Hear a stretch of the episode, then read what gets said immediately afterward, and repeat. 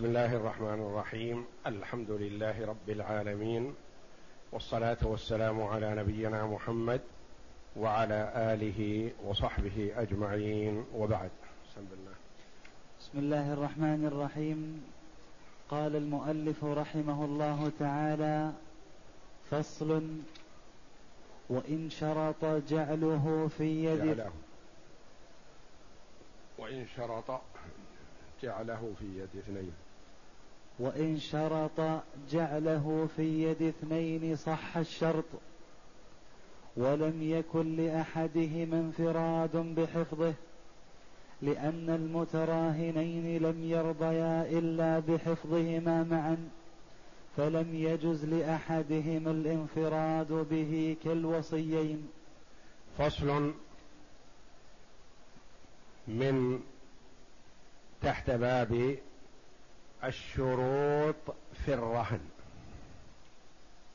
وتقدم لنا شيئا منها والآن يقول المؤلف رحمه الله تعالى وإن شرط جعله في يد اثنين يعني رغب الراهن والمرتهن أن يجعل الرهن أمانة في يد اثنين صحا.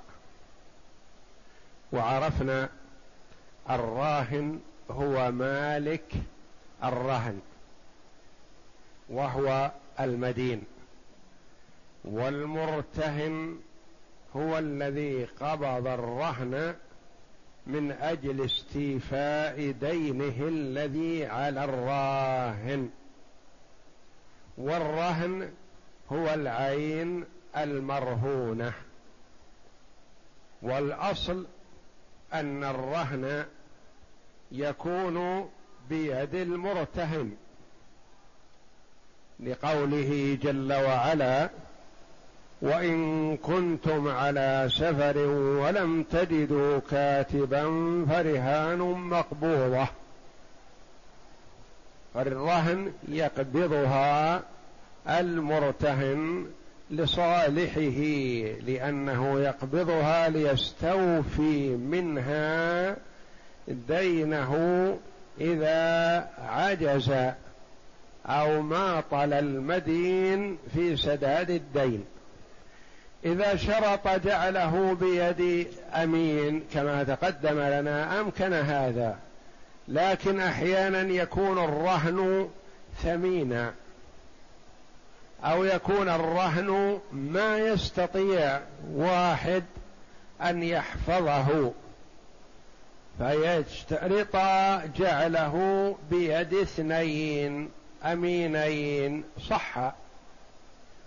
ولم يكن لأحدهما الانفراد بحفظه لأنهما لم يرضيا بحفظه وحده. فإذا قال يكون الرهن عند زيد وعلي فلا بد أن يكون عندهما معا ولا يصح أن يحفظه أحدهما دون الآخر. لأن المتراهنين من هما المتراهنان؟ الراهن والمرتهن لأن الرهن لهما الملك للراهن وقيمته إذا احتيج إلى بيعه تكون لمن؟ للمرتهن. لأن المتراهنين لم يرضيا إلا بحفظهما معا. قالوا ما نرضى؟ إلا أن يكون الرهن بيد الاثنين معا.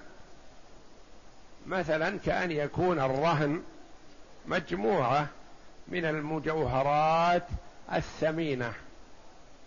وقالوا ما نريد أن يكون عند المرتهن نخشى أن يخلف فيه شيء. ولا يكون عند واحد من المسلمين نخشى أن تسول له نفسه شيئا ما وإنما يكون عند اثنين يتعاونان على حفظه ولا يستطيع أحدهما أن يتصرف فيه دون الآخر. ونأمل الا يتفقا على مكروه فيكون عندهما معا. فلم يجوز لأحدهما الانفراد به لأنهما ما رضي أن يكون عند واحد. وإنما أراد أن يكون عند الاثنين. كالوصيين. حال هذين المودعين للرحم حالهما حال الوصيين. فمثلا الرجل أراد أن يوصي بشيء ما. فقال مثلا وصيتي لابني فلان وفلان. أو وصيتي الناظر على وصيه أخي فلان وابن فلان يتشاوران. أو وصيتي لأخوي فلان وفلان. أو وصيتي لوالدي وعمي أو لوالدي وابني. رغب أن تكون وصيته لاثنين يتعاونان. ربما تكون الوصية في مجال واسع ويشق على واحد أن يقوم بها فأراد أن يقوم بها الاثنان معا. فلا يجوز لأحدهما أن ينفرد بها دون الآخر. لأن الرجل حينما وصى لهما ما رضي بتصرف واحد منهم. وإنما أراد أن يكون التصرف مدروس ومتقن ويصدر من اثنين يتشاوران. لأن واحد قد يطري عليه أن يعمل عملا ما ما يكون فيه ربح ولا فيه فائدة. فإذا كان رأي واحد عرضة للخطأ. وإذا كان رأي رجلين فهو أحرى وأقرب إلى الصواب. فهما كالوصيين ليس لأحدهما أن ينفرد بالوصية دون الآخر. نعم. فإن سلمه أحدهما إلى صاحبه ضمن نصفه لأنه القدر الذي تعدى فيه. فإن سلمه أحدهما لصاحبه. الرهن مثلا مجوهرات وجعل عند اثنين عند زيد وعمر فقال زيد أنا أتمنك يا عمرو ضع الرهن عندك واحفظه لهما. فحفظه عمرو فحصل عليه تلف فهل يلزم الضمان أو لا يلزم؟ يلزم من قال لصاحبه احفظه عندك يلزمه النصف لأنه فرط فيه لأن الأصل أن يشترك الاثنان في الحفظ. وعلى كل واحد منهما الاهتمام بنصيبه النصف. فالذي أودعه عند صاحبه فرط يعتبر. ما أراد المتراهنين أن يكون عند واحد وهو جعله عند صاحبه. فبماذا فرط هو؟ فرط بنصيبه الذي هو النصف. فعليه ضمانه حتى لو كان التلف بدون تعد ولا تفريط. لأنه أودعه عند غيره وليس من حقه ذلك. نعم. فإن مات أحدهما أو تغير حاله أقيم مقامه عدل.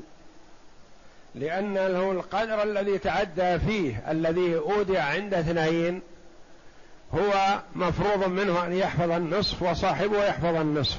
فأعطى النصف لصاحبه فهو فرط في ماذا؟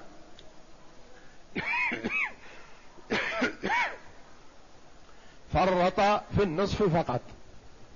فإن مات أحدهما مات أحدهما يبقى عند الواحد الأول عند الآخر لا. أو تغير حاله. تغيرت حاله من عدالة إلى فسق أو من صحة إلى مرض أو من عقل إلى خبل. تغيرت حال الأمين.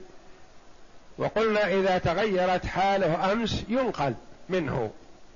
هنا الرهن عند اثنين أحدهما بحاله والآخر تغيرت حاله.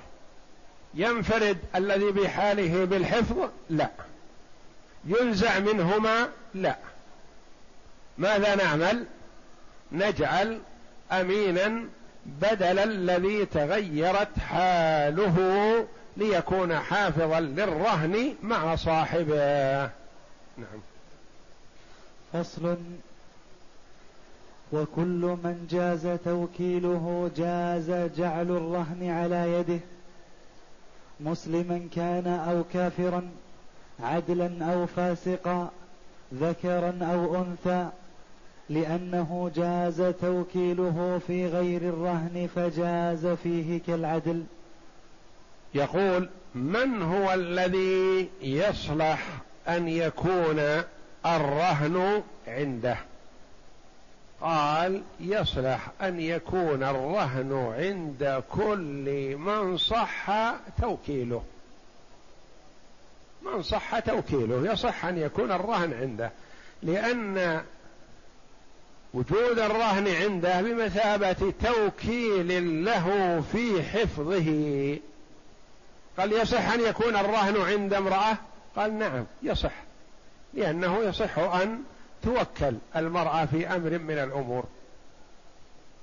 يصح أن يكون الرهن عند فاسق. نعم يصح أن يكون الرهن عند فاسق لأنه يصح أن يوكل في بعض الأمور. لأنه يسوق بل تستحسن أحيانا أن توكل فاسقا فيما يعرفه. أكثر من توكل صالح. في شيء لا يدركه. مثلا ترغب في شراء سيارة. تذهب لإمام المسجد أو الرجل الصالح عضو الهيئة مثلا أو تقول اشتر لي السيارة ربما يغلب. ما تعود مثل الأمور هذه. لكن قد توكل الرجل الفاسق لأنه لا يغلب في هذا الشيء. توكله وترضى بوكالتك إياه لثقتك بأنه لن يغلب ولن يغش وسيعثر على أقل عيب في السيارة مثلا. فمن صح توكيله في أمر من الأمور صح إيداع الرهن عنده. قال مسلما أو كافرا. يودع الرهن عنده ويقال احفظه وإذا حل الدين ولم يسدد الراهن فقد وكلناك في بيعه وسداد الدين. مسلما كان أو كافرا رجلا كان أو امرأة عدلا أو فاسقا يعني من يصح توكيله يصح أن يودع الرهن عنده. نعم. ولا يجوز أن يكون صبيا أو مجنونا. ما يجوز أن يكون شخصا لا يصح توكيله. لأن الصبي والمجنون يولى عليه. ما يصلح أن يكون وليا على شيء. لكن الفاسق يكون ولي. فيما يحسنه. والمرأة تكون ولية. ممكن أن يولي الرجل امرأته على اولاده الصغار فتحفظ مالهم وتربيهم وتعمل على تعليمهم وإصلاحهم والاهتمام بهم. فتوكل المرأة ويوكل غيرها لكن ما يوكل الصبي. ولا يوكل المجنون والسفيه لأنه ما يتمكن ولا يستطيع الحفظ ولا يعتمد عليه. نعم. لأنه غير جائز التصرف. لأنه لا يصح أن يتصرف في ماله هو. فكيف يتصرف في مال غيره؟ نعم. فإن فعل كان قبضه له وعدمه واحد. فإن فعل أي وكل صبي. أو وكل سفيه فقبضه فكأنه لم يقبضه لأن قبضه إياه غير مأذون فيه شرعا. وإن كان عبدا فله حفظه بإذن سيده. وإذا وكل في حفظه رقيقا عبدا فله ذلك يحفظه لكن لا يحفظه إلا بإذن سيده. لأن منافعه مملوكة لسيده فلا يحق له أن يتصرف في وقته ولا في جهده إلا بإذن من سيده. نعم. ولا يجوز بغير إذنه لأن منافعه لسيده فلا يجوز تضيعها في الحفظ من غير إذنه. ولا يجوز بغير إذنه فالرقيق يحفظ لكن يحفظ بإذن سيده بدون إذن سيده لا يجوز. نعم. وإن كان مكاتبا وكان بغير جعل لم يجز لأنه ليس له التبرع. وإن كان مكاتبا المكاتب من هو؟ أليس مثل الرقيق؟ نعم مثل الرقيق في بعض الأمور ويختلف عنه في أمور. المكاتب مثلا هو الرقيق الذي اشترى نفسه من سيده بمال يدفعه نجوما يعني مقسطا الرقيق يقول لسيده أشتري نفسي منك بمائة ألف ريال. في كل شهر أدفع لك ألف ريال. فلا بأس. يصح هذا. أو أقل أو أكثر. هذا يسمى مكاتب. لأنه جرت الكتابة بينه وبين سيده على شراء نفسه من سيده. فهل يجوز أن تودع هذه الرهن عند المكاتب؟ ما دام قلتم عند الرقيق ما يجوز إلا بإذن سيده. عند المكاتب يجوز أن تودع نقول فيه تفصيل. إن كان بأجرة مصلحة فلا بأس يجوز لأن المكاتب له أن يشتغل ويعمل. لأجل أن يتكسب يسدد الدين الذي عليه. وإن كان بدون أجرة فلا يجوز. لأنه هو نفسه لا يجوز له أن يفرط في وقته. لأن وقته مطلوب منه أن يتحصل منه على مبلغ ليسدد سيده. فلا يتصرف فيه إلا بما فيه مصلحة. لأنه مثلا قد يتحيل على سيده يريد أن ينام ويكسل ويترك العمل فيقول لسيده مثلا بعني نفسي. فيقول مثلا أبيعك نفسك بعشرة آلاف. يقول لا أنا أشتري نفسي باثني عشر ألف.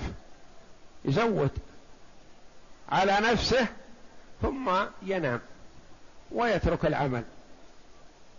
فإذا عجز عن تسديد الأقساط ماذا تكون الحال؟ يرجع رقيقا لسيده. فيكون استفاد هذه الفترة بترك العمل وترك التكسب وما استفاد سيده شيء من وراءه.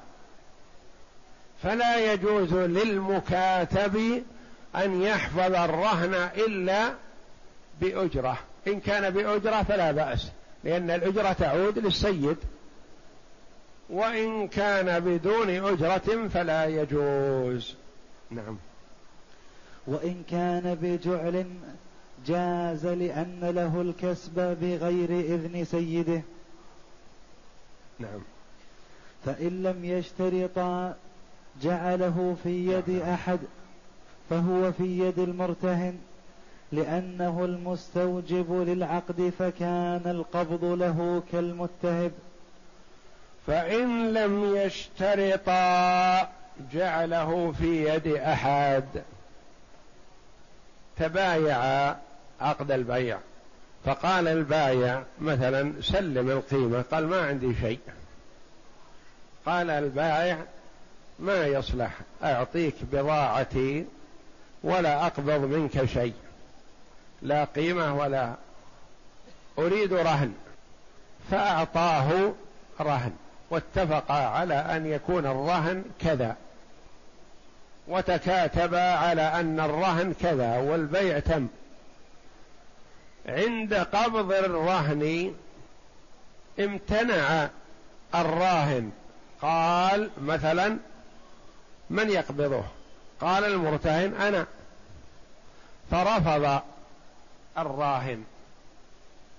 فهل له أن يرفض؟ نقول إن كان اشترطا عند العقد أن يكون عند عدل فلهما ذلك. وإن لم يشترطا شيئا سكتا فيكون عند من؟ عند المرتهن. لأن الأصل أنه أخذه لأجل استيفاء حقه. فإذا لم يشترطا جعله عند أحد فيكون عند المرتهن. نعم. يقول لأنه المستوجب للعقد فهو الطالب للرهن وهو الذي يستفيد من الرهن بسداد دينه. فكان القبض له كالمتهب. المتهب إذا طلب هبة من زيد أو عمرو من يقبض الهبة؟ الأصل أنه هو يقبض الهبة لنفسه فكذلك المرتهن يقبض الرهن لصالح نفسه. نعم. فإن قبضه ثم تغيرت حاله من الثقة أو الحفظ أو حدثت بينهما عداوة فللراهن دفعه إلى الحاكم ليزيل يده ويجعل من ويجعل ويجعل في يد عدل لأنه لم يرض بحفظه في هذه الحال. فإن قبضه الرهن قبضه المرتهن وصار عنده. ثم تغيرت حاله. حال من؟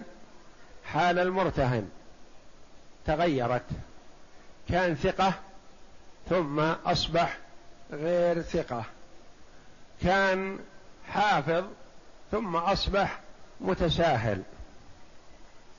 تغيرت حاله فالراهن خاف على الرهن أن يضيع. فماذا يعمل؟ يطلب من الحاكم قبضه ليسلمه للثقة لأن الراهن نفسه ما يملك أن يأخذه من يد المرتهن. ما دام قبضه؟ وإنما إذا اختلفا فالمرد في جميع أنواع الاختلاف هو الحاكم. فللراهن دفعه للحاكم ليزيل يده ليزيل يد المرتهن عن الرهن. لأن الراهن لو قبضه هو بنفسه أصبحت يده يد غاصب. لأن ما من حقه أن يقبض رهنا قد استلمه المرتهن ولكن يقبضه الحاكم ليرفع يد المرتهن عن القبض. فللراهن دفعه إلى الحاكم ليزيل يده ويجعل في يد عدل يعني بدل من كونه في يد المرتهن يكون في يد واحد ثالث ثقة يحفظه. نعم. وإن اختلفا في تغير حاله بحث الحاكم وعمل بما بان له. وإن اختلفا قال الراهن المرتهن تغيرت حاله. أول كان أمين الآن أصبح فاسق. قال الراهن مثلا الأول أول كان المرتهن حافظ ضابط لكن الآن تغير عقله. قال الراهن المرتهن كان صحيح قوي الآن مريض مسكين. تقوم عليه زوجته وأولاده الصغار ما هم أهلا للحفظ. هو أمانته لا نقول فيه شيء لكن الآن تغيرت حاله مريض. فقال المرتهن لا أنا هو أنا ما تغيرت. أمانتي هي هي وثقتي وقدرتي وحفظي وصحتي قادر. لا تخف على الرهن. فاختلف. الراهن يقول أخشى غدا أو بعد غد أن يضيع الرهن لأن الرجل ما عنده استعداد للحفظ. المرتهن يقول لا عندي استعداد كامل فحصل الخلاف بينهما. فمن يرفع الخلاف؟ الحاكم. يرجع إلى الحاكم فينظر الحاكم ويتحرى. إن كان الرجل بحاله وقادر على الحفظ يبقيه بيده. وإن كان الرجل قد تغيرت حاله فعلا وغير صالح لحفظ الأمانة فينقلها الحاكم منه إلى عدل. نعم. وإن مات المرتهن نقل عن الوارث إلى عدل لأن الراهن لم يرضى بحفظه. وإن مات المرتهن الرهن بيد المرتهن. المرتهن مات. أولاده يقولون نحن بمنزلة الوالد. الوالد حافظ لهذا الرهن فنحن نحفظه كذلك. الوالد حفظ الرهن هذا بدين له والدين انتقل لنا. صرنا نحن أصحاب الحق. فنحن نحفظ الرهن مثل ما حفظه أبونا. الراهن مالك الرهن يقول لا أنا سلمته رجلا ثقة. أمين. أبوكم أنتم الآن مختلفين متنازعين فيكم وفيكم فأنا ما أرضى أن يكون رهني عندكم. هل يلزم الراهن أن يكون الرهن عند ورثة المرتهن؟ لا. لأن من حقه أن يمتنع لأن المال ماله. يقول يفرط فيه يضيع. تحفظه الزوجة والأولاد يضيعونه. أنا سلمته بيد رجل أمين. الآن الأمين مات. فما أرضى بحفظ ورثته؟ فيكون عند عدل ولا يبقى بيد الورثة لأن الورثة قد لا يتمكنون من حفظه أو قد لا يؤتمنون على حفظه. لا يؤتمنون يخشى أن يتلاعبوا فيه فلا يبقى بأيديهم. لأن الراهن لم يرضى بحفظه. بحفظ الوارث وما أراده وإنما رضي بحفظ المورث والمورث راح فينقل إلى ثقة. والله أعلم وصلى الله وسلم وبارك على عبده ورسول نبينا محمد وعلى آله وصحبه أجمعين.